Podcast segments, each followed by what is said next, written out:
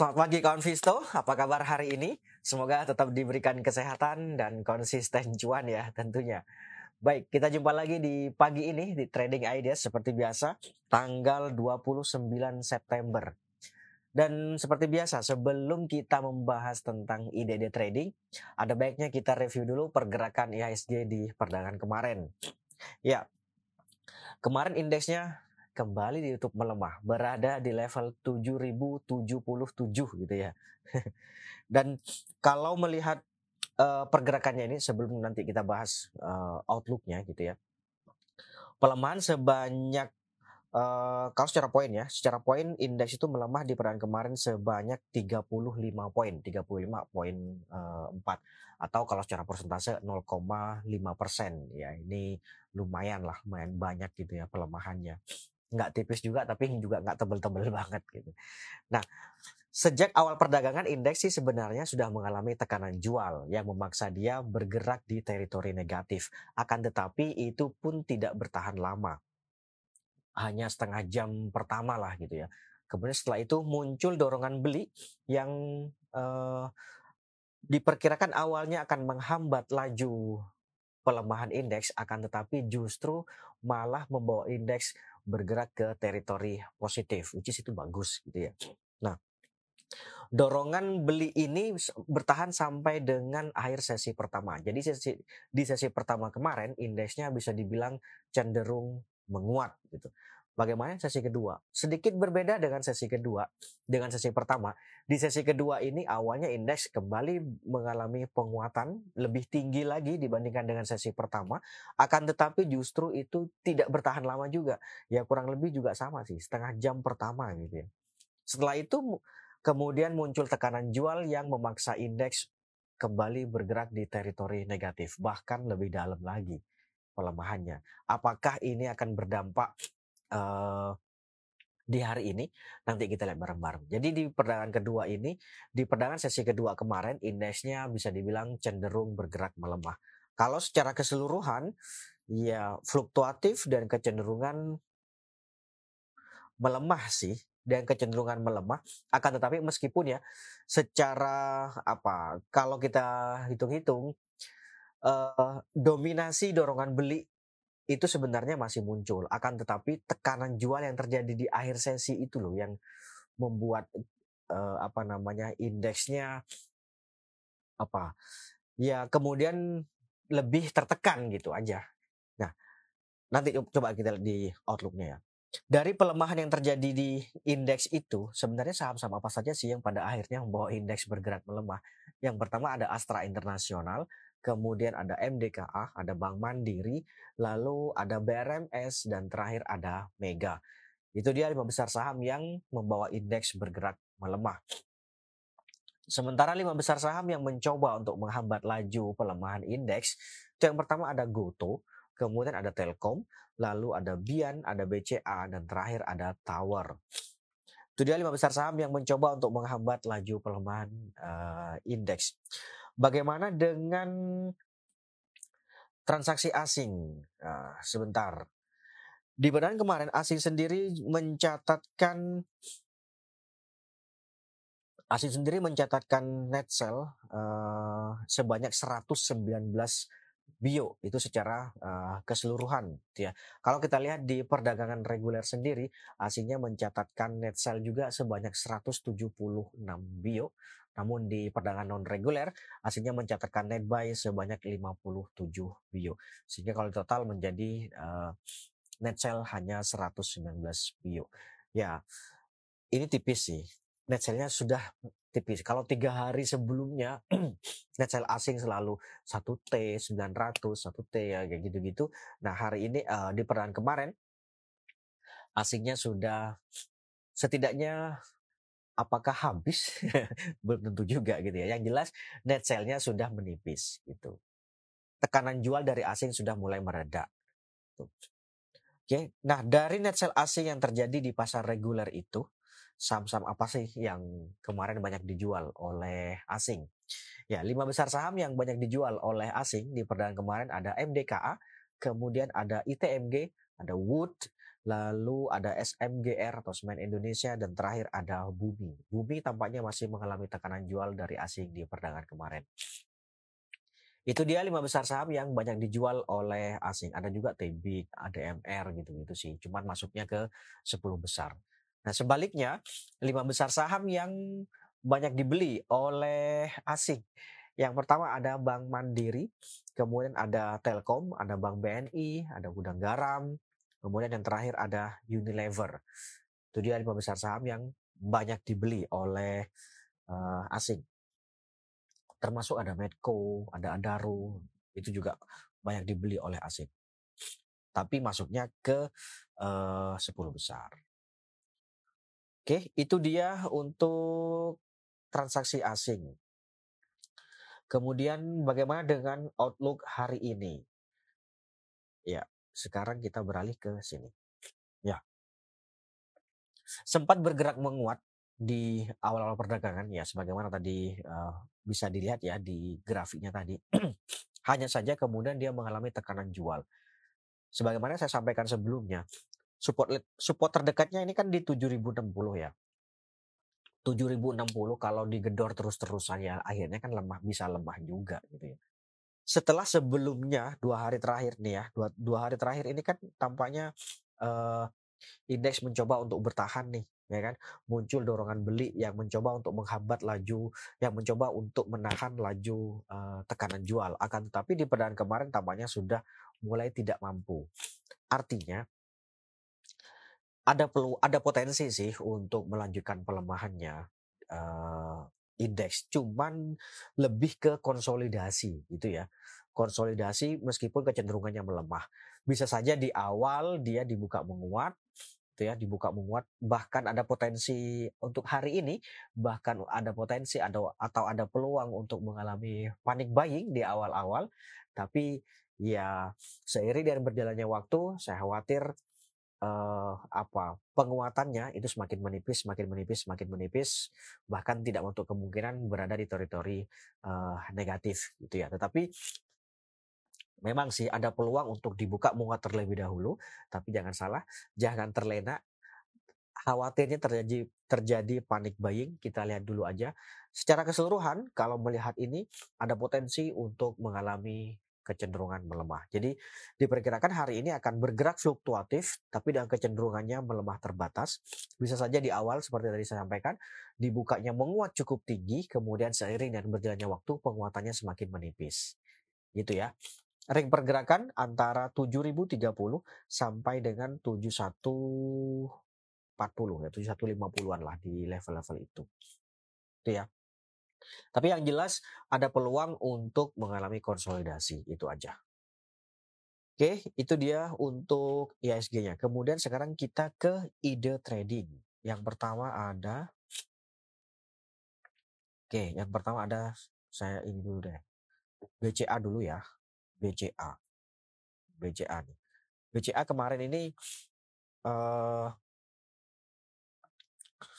apa termasuk yang mampu membawa indeks bertahan atau menghambat laju pelemahan indeks gitu ya. Nah, kalau melihat ini BCA ini kan sebenarnya dia sempat dibuka melemah di awal perdagangan, kemudian dia mampu uh, tutup menguat meskipun penguatannya tipis, hanya satu poin.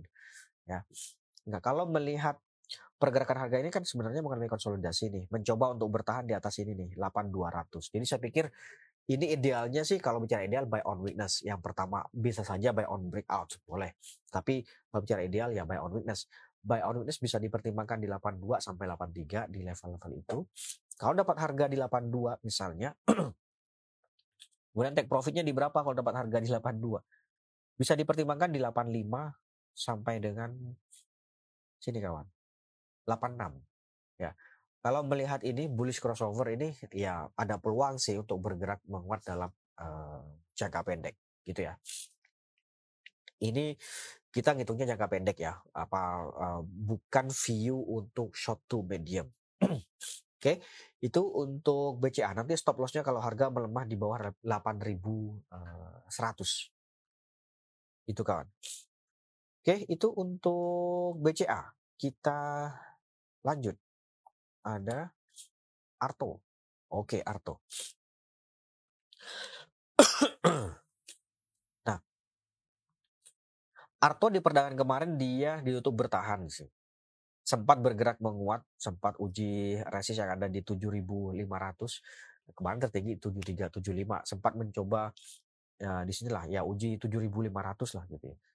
Sekali lagi ini kalau bicara ideal maka masih buy on breakout di atas 7.500. Pertanyaannya kan ini uh, dari 7.000 ke 7.500 kan itu lebih dari lima persen. Boleh nggak sih? Gitu misalnya. Nah kalau demikian karena sebenarnya kan tekanan jual masih cukup mendominasi nih. Kembali sama kurang lebih sama seperti kemarin yaitu kalau harga hari ini dia bergerak di atas 7.200 boleh sih dipertimbangkan untuk uh, ikutan spekulatif buy gitu ya. Nanti target take profitnya di berapa? Ya di kisaran 74 sampai 75 tadi itu. Gitu. Cukup nggak? Kalau cukup oke okay lah gitu ya. Oke. Itu untuk uh, Arto. Sekali kalau bicara ideal maka ini adalah buy on breakout di atas 7.500 di atas sini kawan. Oke kita lanjut. Setelah Arto ada lagi Asa Asa oke sebentar ya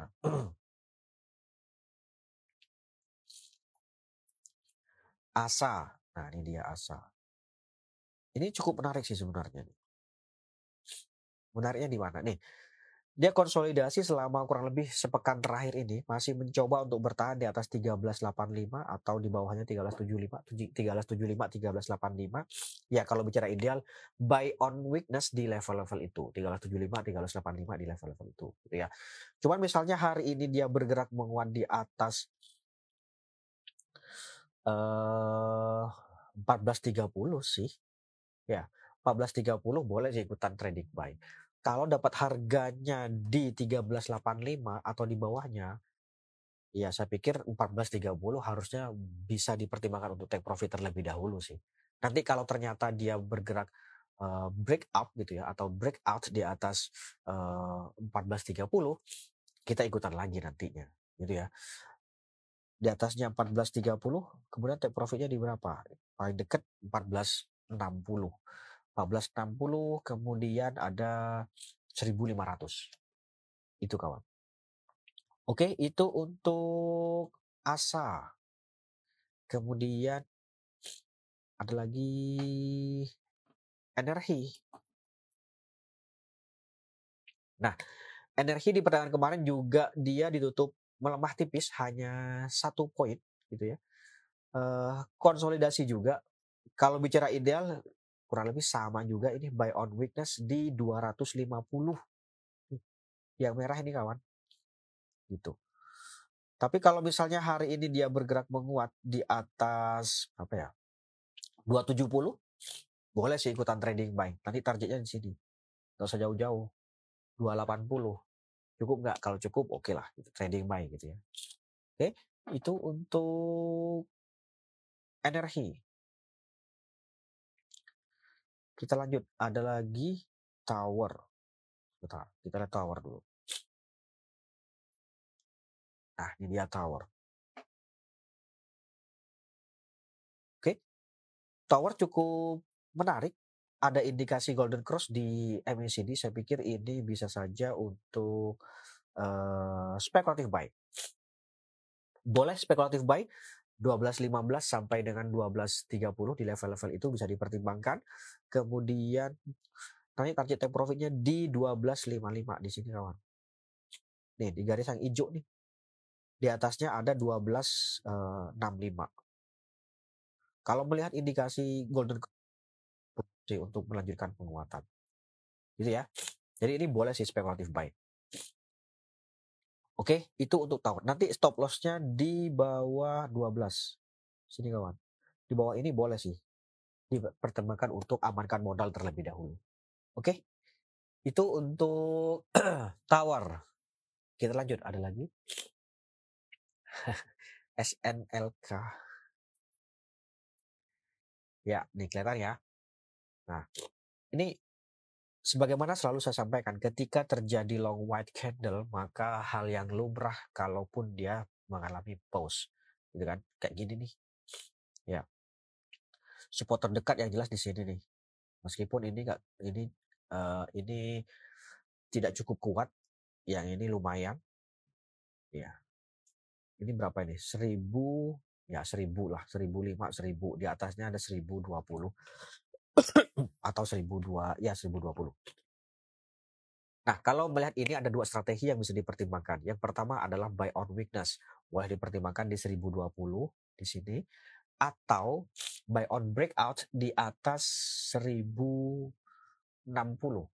Misalnya hari ini bergerak menguat di atas 1060, boleh dipertimbangkan untuk ikutan trading buy atau speculative buy. Nanti targetnya di 1095 sampai 11 berapa ini? 1115. Itu sih paling dekat gitu ya. 1095, 1115 itu yang terdekat. Kemudian uh, di atasnya lagi 1160. 1160. Gitu ya. Oke, itu untuk SNLK. Stop lossnya di bawah berapa? Stop lossnya di bawah 990. Itu. Kemudian bumi ya. Nah, ini dia bumi. Cukup menarik sih sebenarnya Bumi. Cuma kalau mau bicara ideal, ini mending buy on breakout di atas ini nih. 142. Barangkali kemarin sudah ada yang ikutan 132. Menurut saya nggak ada salahnya sih pasang jual 142 gitu ya. Di atas 142 itu ada satu berapa ini? 147 kemudian 157 ya di level-level itu boleh pertimbangkan main-main uh, main di level-level itu. Nanti stop lossnya kalau ternyata harga melemah di bawah 128, saran saya sih uh, mending amankan modal aja dulu gitu. Ya. Oke, itu untuk bumi. Kita lanjut. Ada lagi HTM. Nah, HTM pelan ya, tapi dia cenderung naik gitu ya. Oke juga sih. Kemarin dia ditutup menguat uh, dua poin. Tetapi sebenarnya dia akan mengalami tekanan jual nih. Jadi ada baiknya dipertimbangkan untuk buy on breakout saja di atas 368 paling tidak. Paling tidak di atas 368 buy on breakout nanti targetnya di 380 harusnya sih cukup. 380 untuk ya cukup ideal sih jualnya di sini nih 394 situ. Oke, itu untuk HTM untuk buy on breakout di atas 368. Kalau ternyata hari ini dia dibuka melemah nih, bukanya katakanlah di bawah 362 misalnya.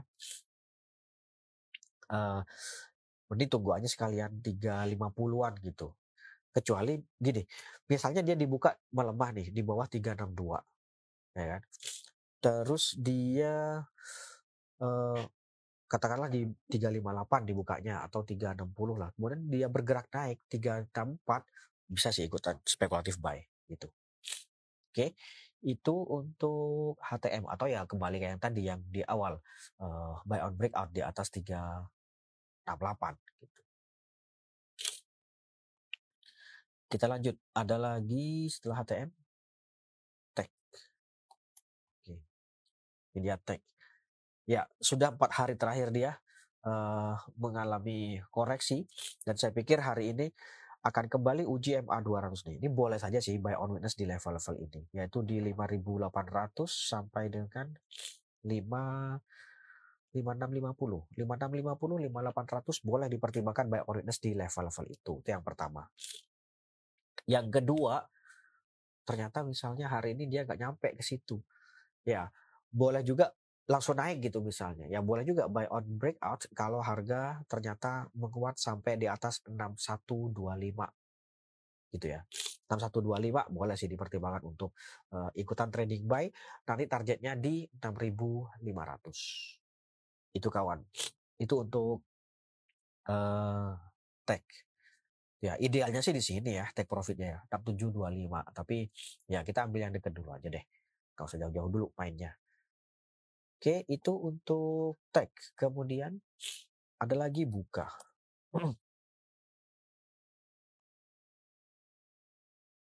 ya, sebentar. Oke, buka. buka. Kemarin dia mengalami pelemahan. Sebenarnya masih melanjutkan konsolidasi sih. Ini sudah ya hampir sebulan sih ya kurang lebih sebulan lah ya kurang lebih sebulan dia mengalami konsolidasi di sini aja nih. Kalau melihat ini maka sebenarnya bisa saja sih spekulatif buy di 278 ya nggak sih? 278 kemudian 2 Uh, 276 sampai 280 itu spekulatif buy boleh-boleh saja. Sah sah uh, uh, apa ya? Uh, layak lah gitu ya. Logis lah ya benar logis ya benar kalau bicara ideal, tentu ini idealnya adalah buy on breakout, yaitu di atas 286. Tapi sekali lagi, mau spekulatif buy pun sebenarnya sudah boleh. Tapi kalau bicara ideal, maka mending buy on breakout gitu. Nanti targetnya di berapa? Kalau dapat harga di di berapa? Katakanlah 278. Oke, kalau dapat harga di 278 ya sini aja nih, kalau usah jauh-jauh. 292 kemudian 300. Masih di situ-situ sih levelnya nggak ada perubahan yang signifikan gitu ya. Mes ya meskipun kemarin dia mengalami pelemahan kan hanya tiga poin ya. Tapi secara persentase sudah banyak ya. Oke, itu untuk buka ya. Kemudian kita lanjut, ada lagi. Raffi. Raffi. Raffi kembali dia uh, mengalami tekanan. Saya pikir ini buy on breakout saja di atas 240. Di atas ini kawan. Oke. Okay. Kalau saya lebih sukanya buy low sell high, ya tunggu di sini berarti. Ini cukup kuat sih supportnya. 200 level psikologis 200. Mau nunggu di situ? Ya boleh sih kalau mau nunggu di situ. Tapi sekali lagi, kalau misalnya ternyata hari ini dia bergerak menguat di atas 240, sebenarnya boleh-boleh saja ikutan.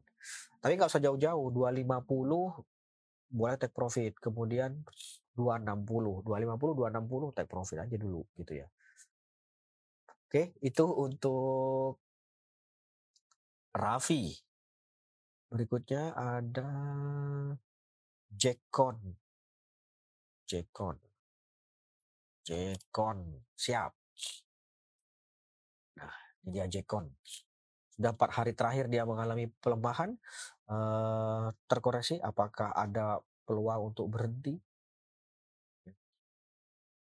Ya, menarik sih karena dia sudah sudah uji FR 50 sekaligus ini kan ya support lah di sini ya. Ini berapa ini? 160.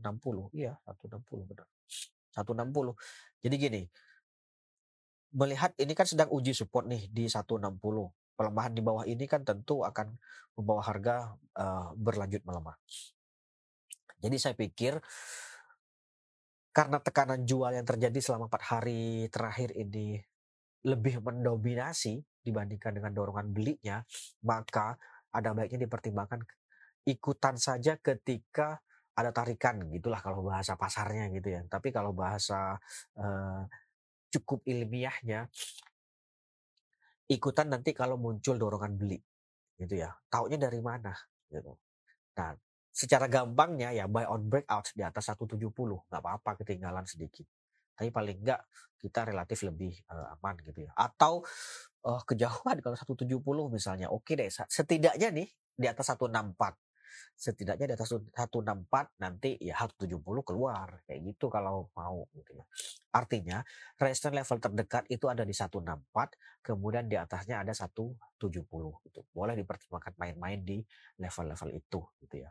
Kemudian kalau uh, melemah di bawah 160 ini berapa main-mainnya gitu. 149 kemudian di bawahnya ada 145. Jadi boleh misalnya nih dia turun 149 uh, terus kemudian ternyata kok bertahan naik lagi 150 naik lagi 151 ya udah kenapa nggak ikutan? Nanti jualnya nggak usah jauh-jauh juga 156 160 nah itu sudah mulai dipertimbangkan untuk uh, jualan gitu ya. Tapi yang jelas dengan kondisi uh, seperti kemarin atau empat hari terakhir ini di mana tekanan jualnya lebih mendominasi, menurut saya sih ada baiknya ikutan ketika muncul dorongan beli, yaitu bergerak menguat di atas 170 atau setidaknya di atas 164 gitu ya. Tapi sekali lagi mainnya nggak usah jauh-jauh. Oke, itu untuk Jekon. Terakhir ya, terakhir ada tadi Tower sudah. Terakhir ada Harum. Harum. Nah, di Harum tampaknya kemarin dia melemah uji support yang ada di sini nih kawan. Ya, 17 uh, 50. Ya, boleh aja spekulatif buy 17.50 atau strategi yang kedua ya buy on breakout di atas berapa ini? 18. Ya, di atas 18. Kalau dapat harga jadi gini. Ini kan bis, boleh saja spekulatif buy 17.50, 17.60. Nah, kalau dapat harga di level-level itu pertimbangkan take profit di 18.35 di atasnya ada 18.65 di level-level itu.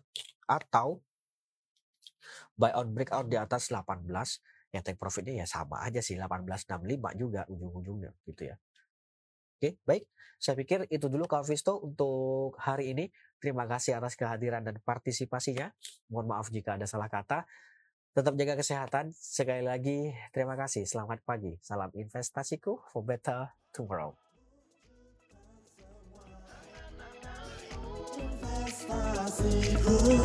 For better tomorrow.